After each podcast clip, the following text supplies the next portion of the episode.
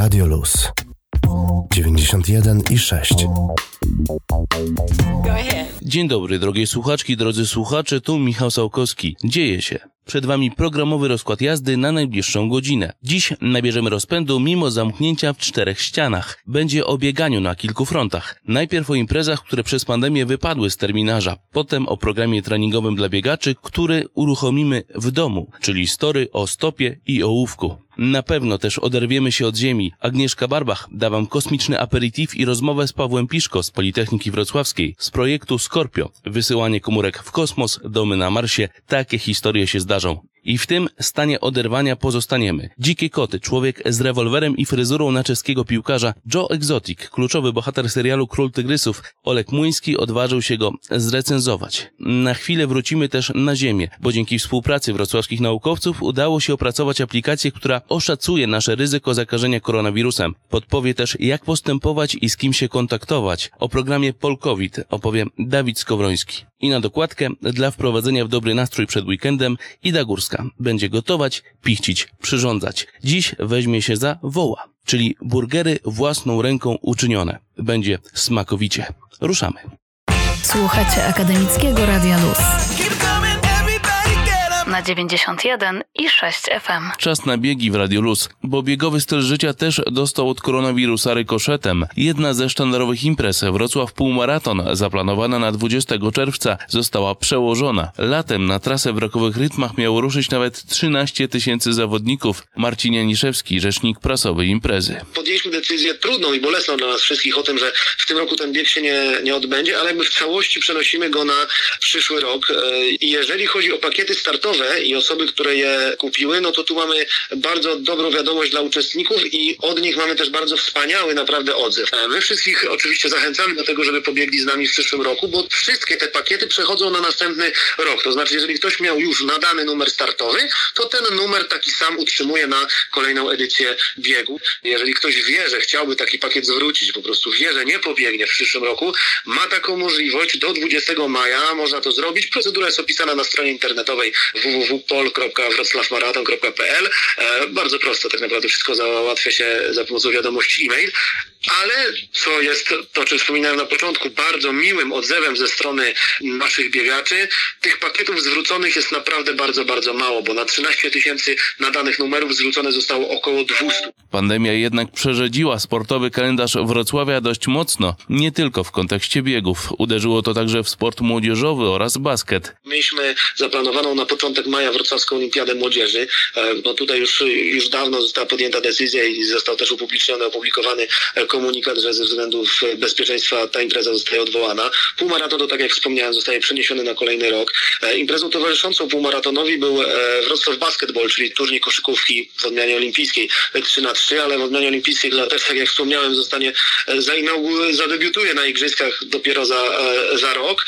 Ten turniej też najprawdopodobniej w, w tym roku nie odbędzie się. Ważne, że organizatorzy nie podjęli jeszcze decyzji co do wrześniowego Wrocław Maratonu. Kluczowy będzie tu czas uporania się z wirusem. Uziemienie w domach nie oznacza jednak absolutnego szlabanu na rozwijanie biegowej pasji. Ekipa Wrocław Maraton prowadzi na Facebooku cykl Wrocław trenuje w domu. Pokazuje, że nawet bez fachowego sprzętu można dbać o formę i sprawność naszego ciała. Chociażby przykładowe ćwiczenie z, z ołówkiem i mobilizacją mięśni, e, mięśni stopy, to już jest dużo, to już jest niby drobiazg, e, ale pomaga tę formę utrzymać, pomaga ją, tak szlifować. Będziemy to publikować też, e, mam nadzieję, już niedługo, tu zdradzam mały sekret, ale, ale pozwolę sobie, mam nadzieję, że w miarę szybko po świętach uda nam się też publikować takie małe treningi wideo z pomocą fizjoterapeutów, także no, no program się narodził po prostu dlatego, że e, wszyscy nasi biegacze mm, zostali dokładnie tak samo jak my, my też pracujemy z, na zasadzie home office w większości, zostali po prostu zamknięci i słusznie, bo jak wiemy to, to, to, to służy naszemu zdrowiu. Program treningowy będzie prowadzony przez cały okres pandemii. Solidna kondycja, zdaniem specjalistów, jest podstawą nie tylko do obrony przed wirusem, ale i do codziennego dobrego samopoczucia. I o nie możemy się tak dynamicznie zatroszczyć. Akademickie Radio Luz. Jak może wyglądać życie człowieka w przyszłej kolonii na Marsie? Jakie systemy i technologie są potrzebne do utrzymania życia człowieka w kosmosie? To jest Akademickie Radio Luz, a ja nazywam się Agnieszka Barbach. Jest ze mną Paweł Piszko, współtwórca projektu marsjańskiej kolonii Twardowski, który zajął drugie miejsce w konkursie Mars Colony Prize organizowanym przez The Mars Society. Cześć Pawle. Cześć. Jak myślimy o życiu poza Ziemią, to co pierwsze przychodzi nam do głowy? Mars. Czyli nie stacja kosmiczna, a Mars. Tak mi się wydaje. Wydaje mi się, że cała ta propaganda odnośnie kolonizacji innych planet, której przyczynił się chociażby Elon Musk, zrobiła swoje i teraz w myśl różnych filmów, które powstają, czy, czy beletrystyki, science fiction, czegokolwiek innego, to ludzie raczej kojarzą życie poza Ziemią automatycznie z Marsem. Od razu przychodzi mi do głowy takie pytanie, a czemu nie może być to Księżyc? Jest dużo, dużo, dużo czynników. Pierwsze, co mi się nasuwa, to, to brak atmosfery i brak zasobów, które mogą to życie podtrzymywać w sposób bezpośredni. Mówimy tutaj o wodzie, o szkodliwym promieniowaniu kosmicznym i w szeregu różnych innych czynników. Jedynym plusem jest faktycznie odległość. To z jakimi problemami musimy się mierzyć, myśląc o życiu poza Ziemią? Trzeba się pochylić nad tym, czego potrzeba człowiekowi do funkcjonowania. Pewno musimy oddychać, więc potrzebujemy atmosfery albo odpowiednie mieszanki gazu potrzebne nam do oddychania. Potrzebujemy wody, potrzebujemy żywności, potrzebujemy w jakichś warunkach tą żywność uprawiać. To są też rzeczy, które podtrzymują nasze zdrowie psychiczne, chociażby interakcję z innym człowiekiem, ale tak jak powiedziałem, żywność, właściwa temperatura, atmosfera, powietrze do oddychania i, i woda. To są takie podstawowe rzeczy, których potrzebujemy. No i tutaj kolejna rzecz, czyli sposób, jak je zdobyć, jak je pobrać, uzyskiwać. I tutaj Mars, pomimo że tak naprawdę nie jest atrakcyjną planetą do zamieszkania, to jest najbardziej atrakcyjną planetą, jeżeli bierzemy pod uwagę stosunek odległości do tego, co oferuje. To może od początku. Jakie mamy, jakie istnieją, jakie są wymyślone rozwiązania na te podstawowe problemy? Tu tak naprawdę podejścia różnią się w zależności od tego, jakie środowisko wybierzemy. Zupełnie inaczej myślimy o tych potrzebach w Międzynarodowej Stacji Kosmicznej, zupełnie inaczej myślimy, jeżeli chodzi o Marsa, tudzież inne planety. Jeżeli chodzi o Marsa, to jest on ciężką planetą, ale myślę, że jesteśmy w stanie przy odpowiednim tempie rozwoju cywilizacyjnego go oswoić. No przede wszystkim jest tam atmosfera, to już jest plus. Rzadka, bo rzadka, ale trochę ekranowania przed promieniowaniem kosmicznym zapewnia, ale składa się głównie z dwutlenku węgla, więc dla nas jest w ogóle nie do, nie do oddychania, więc musimy wymyślić coś, żeby móc tam oddychać. No i tutaj z pomocą mogą przyjść nam chociażby rośliny, które mogą bezpośrednio tlenek węgla przerabiać na tlen. Więc zakładając, że ten tlenek węgla będzie pobierany do atmosfery pod jakąś wirtualną kolonią, która będzie pod kopułą, możemy ten tlenek węgla konwertować. Dodatkowo teraz przy okazji misji Mars 2020 NASA łazik będzie wyposażony w system MOXIE. To jest system, który będzie na drodze elektrokatalitycznej, będzie pobierał po prostu dwutlenek węgla z atmosfery Marsa i przerabiał go na tlen i naukowcy będą mierzyli wydajność właśnie takiego zaproponowanego procesu, który potem może się przydać chociażby do, do wytworzenia atmosfery w takiej kolonii na Marsie. No właśnie, czy my jesteśmy w stanie jakoś tak, biorąc pod uwagę to rozwiązanie dotyczące roślin, przeliczyć to, tą wydajność, jakie to by musiało być rośliny, żeby to było najbardziej wydajne? Domyślam się, że to musiałoby być jakieś takie bardziej tropikalne, które wydajniej przerabiają dwutlenek węgla na tlen, czy niekoniecznie? Oczywiście, takie badania są prowadzone już od długiego, długiego czasu i to przy okazji naszego środowiska na Ziemi, które, naszego klimatu, który się coraz bardziej ociepla, pogarsza, mamy problem z zanieczyszczeniem. Takie badania są robione, to są dane stabilizowane, można spokojnie to znaleźć. Nie jestem botanikiem, więc konkretnych gatunków nie wymienię, ale są rośliny, które mają bardzo wysoką wydajność konwersji właśnie dwutlenku węgla na, na tlen. Czyli już tutaj mamy dwa rozwiązania. Rośliny albo maszyny. Tak, tak. Jak powiedziałeś o tej kupule, to od razu przypomniała mi się książka, którą czytałam w podstawówce, gdzie właśnie była jakaś kolonia na Marsie, czy też na innej planecie i ona była właśnie pod kopułą. To jednak jest takie intuicyjne rozwiązanie, które przychodzi chyba nawet każdemu do głowy, że ta kopuła byłaby niezbędna w takiej, w takiej sytuacji. I właśnie to jest trochę podchwytliwe, ponieważ każdemu może się nasunąć kopuła, ale jest tak paradoksalnie jeden z gorszych, jedna z gorszych form architektury na Marsie takiej kolonii, głównie ze względu na promieniowanie jonizujące, promieniowanie kosmiczne, które w przypadku człowieka w zbyt dużych, a nawet w niewielkich dawkach doprowadzi do raka skóry, degradacji ciała i w konsekwencji śmierci. Więc większość takich bardziej profesjonalnych konceptów kolonii, czy jakichkolwiek struktur, na przykład na Marsie, są umieszczane w większości pod ziemią. Najbardziej ekonomiczne i ergonomiczne i z punktu widzenia izolacji, osłony przed promieniowaniem kosmicznym i szeregu różnych innych czynników. A wtedy jakieś takie plantacje roślin znajdują się na powierzchni Ziemi? No i tu właśnie mogę się posłużyć przykładem koncepcji, którą współtworzyłem, koncepcji twardowskiej kolonii marsjańskiej, która zdobyła na konkursie Mars Colony Prize drugie miejsce w Stanach Zjednoczonych. Myśmy posłużyli się takimi hodowlami hybrydowymi, ponieważ korzystaliśmy z upraw aeroponicznych i hydroponicznych i akwaponicznych, czyli to są hodowle, które zabierają w sobie uprawy bezglebowe, czyli w samej wodzie, która ma odpowiednią ilość mikro, makroelementów, jest w stałym przepływie, więc te rośliny mogą się odżywiać.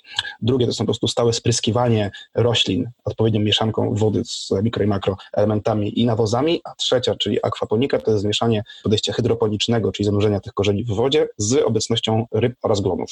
I takie rzeczy miałyby się znaleźć na zboczu naszej kolonii, na takich wielkich ekranach. Ponieważ woda też chłonie promieniowanie kosmiczne, więc żeby koloniści mieli wgląd na krajobraz Marsa, można takie wody użyć też do ekranowania promieniowania. Wy w swoim projekcie planowaliście miasto na zboczu z tarasami? Tak, myśmy użyli zbocza, naturalnego zbocza krateru Jezero, więc nasza kolonia częściowo wystawała nad ziemię, częściowo mieściła się pod ziemią, a te budynki, które wystawały, biomy, czyli części takie mieszkalne, najbardziej użytkowe, były pod kątem umieszczone. Przejdźmy dalej. Musimy oddychać, musimy coś jeść.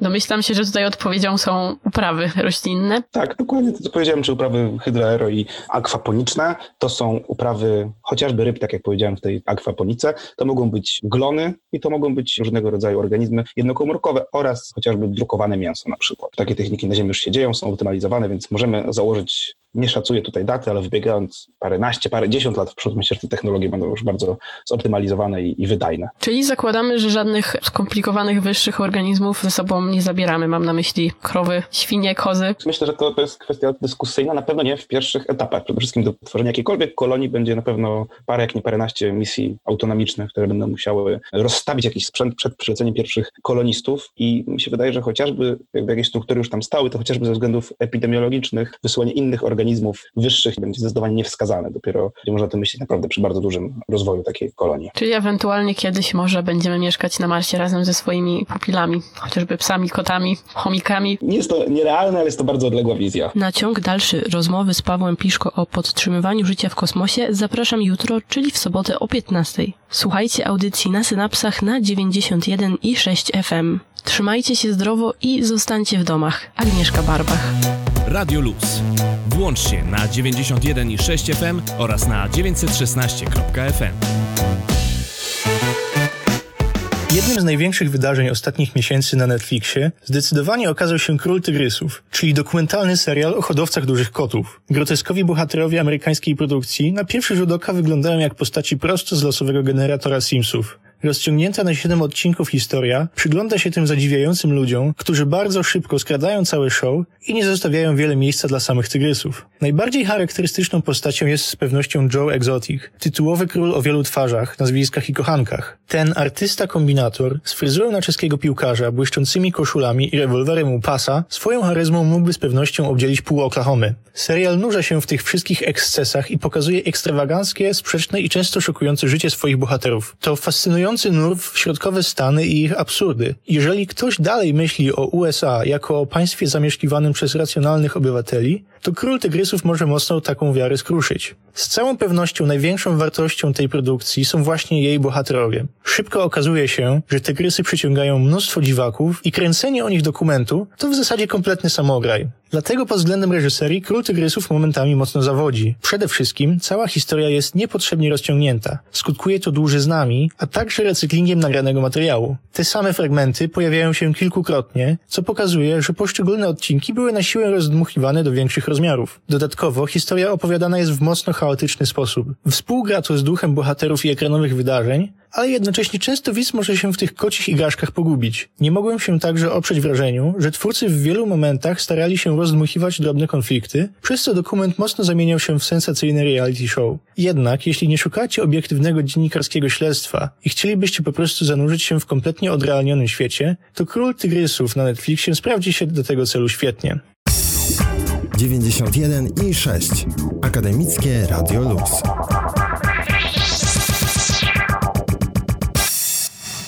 Cześć, tu Dawid Skowroński. W czasach pandemii ważne jest, byśmy stale kontrolowali bezpieczeństwo swoje, jak i własnego otoczenia, a w tym może pomóc Polkovid-19, aplikacja stworzona przez naukowców z Uniwersytetu Medycznego w Białymstoku oraz Uniwersytetu Medycznego we Wrocławiu, która ma za zadanie obliczać ryzyko zakażenia wirusem SARS-CoV-2 w poszczególnych rejonach Polski. Polkovid to zarówno strona internetowa, jak i aplikacja, którą może pobrać każdy z nas teraz na swojego smartfona. Indywidualny użytkownik proszony jest o wypełnienie formularza na stronie polkowit.pl, odpowiadając na pytania dotyczące m.in. daty urodzenia, płci, grupy krwi czy ilości osób w gospodarstwie domowym. Istnieje również osobna sekcja dotycząca ewentualnego występowania objawów koronawirusa. Całość, jak mówią twórcy aplikacji, ma zająć nie dłużej niż 10 minut. Na podstawie danych od użytkowników i oficjalnych danych rządowych obliczone zostaje ryzyko zakażenia w skali miasta i powiatu, a następnie przydziela się użytkownika do jednej z grup ryzyka. Otrzyma on jednocześnie zalecenia postępowania stworzone na podstawie wytycznych WHO, Głównego Inspektoratu Sanitarnego i Ministerstwa Zdrowia. Jeden z twórców aplikacji, dr Paweł Gajdenowicz z Katedry i Zakładu Immunologii Klinicznej Uniwersytetu Medycznego we Wrocławiu podkreśla, że przez swój charakter użyteczność aplikacji zależy w głównej mierze od ilości użytkowników i ich aktywności. Im więcej takowych będzie, tym lepiej aplikacja będzie mogła oszacować poziom bezpieczeństwa danego regionu. Z kolei na stronie internetowej polkowit.pl oprócz aktualizowanej na bieżąco mapy wraz z danymi i statystykami znaleźć można też liczne artykuły dotyczące koronawirusa. Dowiecie się tam między innymi jaka profilaktyka jest najlepsza, co obecnie wiadomo o wirusie i z kim można się skontaktować w ramach podejrzenia infekcji. Dlatego też odsyłam Was na tę stronę, jeżeli chcecie dowiedzieć się czegoś więcej. I najważniejsze, zostańcie w domu. A skoro już w nim będziecie i chcielibyście posłuchać więcej mojego głosu, choć w nieco innej tematyce, to zapraszam Was serdecznie na moją audycję muzyczną z K-popem, w najbliższą niedzielę o godzinie 17. Do usłyszenia. Słuchacie Akademickiego Radia Luz na 91 i 6 FM. Tej strony Ida Górska i tak jak w zeszły piątek, tak i w ten zabieram Was do swojej kuchni. Myślę, że wszyscy jesteśmy teraz na tym etapie, że zapasy świąteczne w większości zniknęły już, więc można zacząć gotować na nowo. Uwielbiam kuchnię polską, staropolską zwłaszcza, no ale już po takim tygodniu zanurzania się bardzo zresztą dogłębnego w jej specjałach, mimo wszystko na ten moment na chwilę ją sobie odpuszczę i pójdę w skrajnie innym kierunku. Niniejszym dziś sięgam po klasykę kuchni amerykańskiej hamburgera. Jeśli łudziliście się choć przez chwilę, że będzie lekko, czy że będzie fit, no to nic z tego. Za to będzie pysznie. Wszystkie składowe burgera zrobimy sami. Od bułki przez sos po mięso włącznie. Będę was też uczulać na składniki i na ich jakość, bo doprawdy warto akurat w tym wypadku nie januszować, dopłacić te kilka groszy i kupić dobrej jakości mięso. Nie będzie też trudno. A nadwyżka kaloryczna? Odpuśćcie sobie frytki, poruszajcie się trochę, możecie potańczyć, zrobić domowy trening i będzie dobrze. To co? Zaczynamy. Pierwsza sprawa. Bułki. Oczywiście można kupić takie w sklepach, bo mamy te dedykowane specjalnie do burgerów, ale po co napychać się chemią? Bułki robi się ekspresowo i bardzo prosto. Do dużej miski wrzucamy 2,5 szklanki mąki, Najlepiej wybierzcie ten typ 450 i tej mąki, co ważne, nie przesiewamy, gdyż robimy pieczywo, a nie ciasto. Do tego łyżeczkę suchych drożdży, dwie łyżki cukru i trzy czwarte łyżeczki soli. Suche składniki dokładnie mieszamy. Teraz wbijamy jedno całe jajo.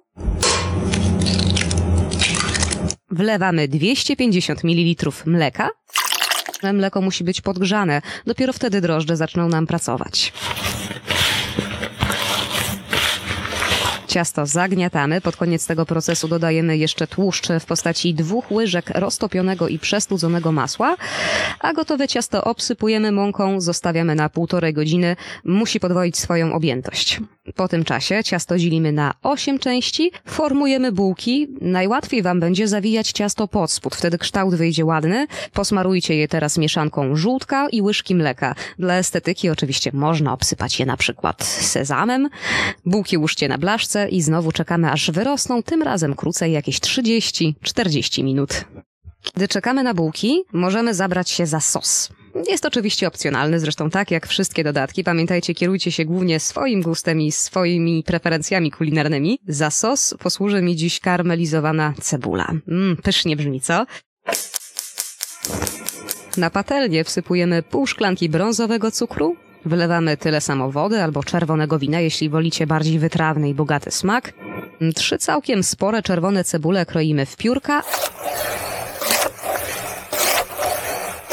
A gdy cukier zacznie się rozpuszczać, dodajemy je na patelnię. Dusimy to wszystko na naprawdę małym ogniu do uzyskania konsystencji gęstej konfitury. Ta cebula sama odda nam jeszcze swój cukier, który ma. No, to trwa mniej więcej 20 minut. Na sam koniec doprawcie solą, pieprzem, wędzoną papryką, jeśli lubicie. Możecie dodać też pasaty pomidorowe kierujcie się tak, jak wszędzie swoim gustem. A zaraz weźmiemy się za najważniejszą część tego przepisu, czyli za mięcho. Ale może najpierw obowiązkiem, jakby nie patrzeć polonistki, będzie wytłumaczenie etymologii nazwy tego dania. Hamburger, Hamburg. No to skojarzenie jest aż tak oczywiste, że można byłoby odnieść wrażenie, że nieprawdziwe.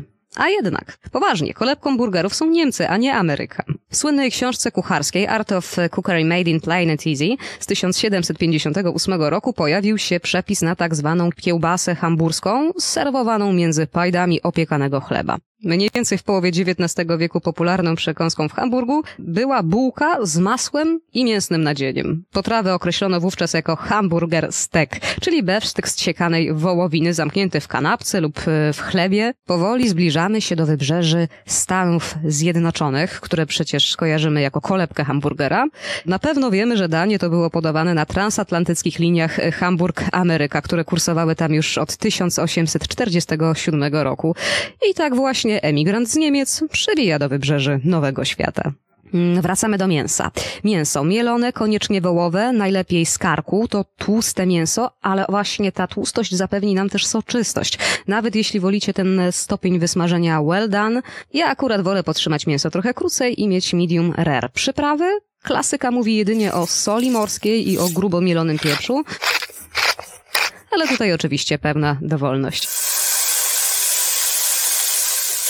Mięso smażcie na porządnie rozgrzanej patelni. Ma się aż dymić. Dla dodatkowych aromatów możecie je przysmażyć jeszcze dodatkowo na maśle. Niech was broni święty kucharz, żeby to mięso dociskać do patelni podczas smażenia. W ten sposób wypuścicie tylko wszystkie soki, no i będziecie mieć podeszwę, a nie kotlet. Zanim wrzucicie mięcho na patelnię, możecie upiec wcześniej przygotowane bułki. E, jak to robimy? Piekarnik rozgrzewamy na 200 stopni, mm, wrzucamy bułki na 10-12 minut, to zależy od waszego pieca, mają być po prostu rumiane. I tutaj jeszcze taki mały sekret, żeby bułki nie były suche, to w momencie, w którym wrzucacie je do pieca, wlejcie też szklankę wody, na przykład na blaszkę pod nimi. Para zapewni nam wilgoć, a wilgoć to gwarancja na to, że bułki nie będą suche i że będą miały świetną konsystencję. Po upieczeniu, zanim jeszcze je pokroisz, daj im odpocząć te kilka minut pod materiałową ściereczką. No to wszystkie składniki podstawowe mamy już gotowe. Dodatki oczywiście możecie wrzucać jakie tylko chcecie i przede wszystkim jakie lubicie, przecież to wasz burger. Bułki przekrawamy na pół, tostujemy je na patelni po mięsie. Na spód najpierw kotlet, na niego możecie położyć ser, dzięki jeszcze jakiejś temperaturze mięsa może się rozpuścić. Na ser karmelizowaną cebulę, druga połówka bułki, gotowe. Może i podczas pandemii wszystkie dni zlewają nam się w jeden. Ja mimo wszystko staram się piątek w swoim życiu jakoś wyróżniać dobrym jedzeniem właśnie. Wypróbujcie ten przepis i jak macie ochotę, to możecie też dać mi znać, czy wam wyszedł. Życzę wam smacznego weekendu. Akademickie Radio Luz.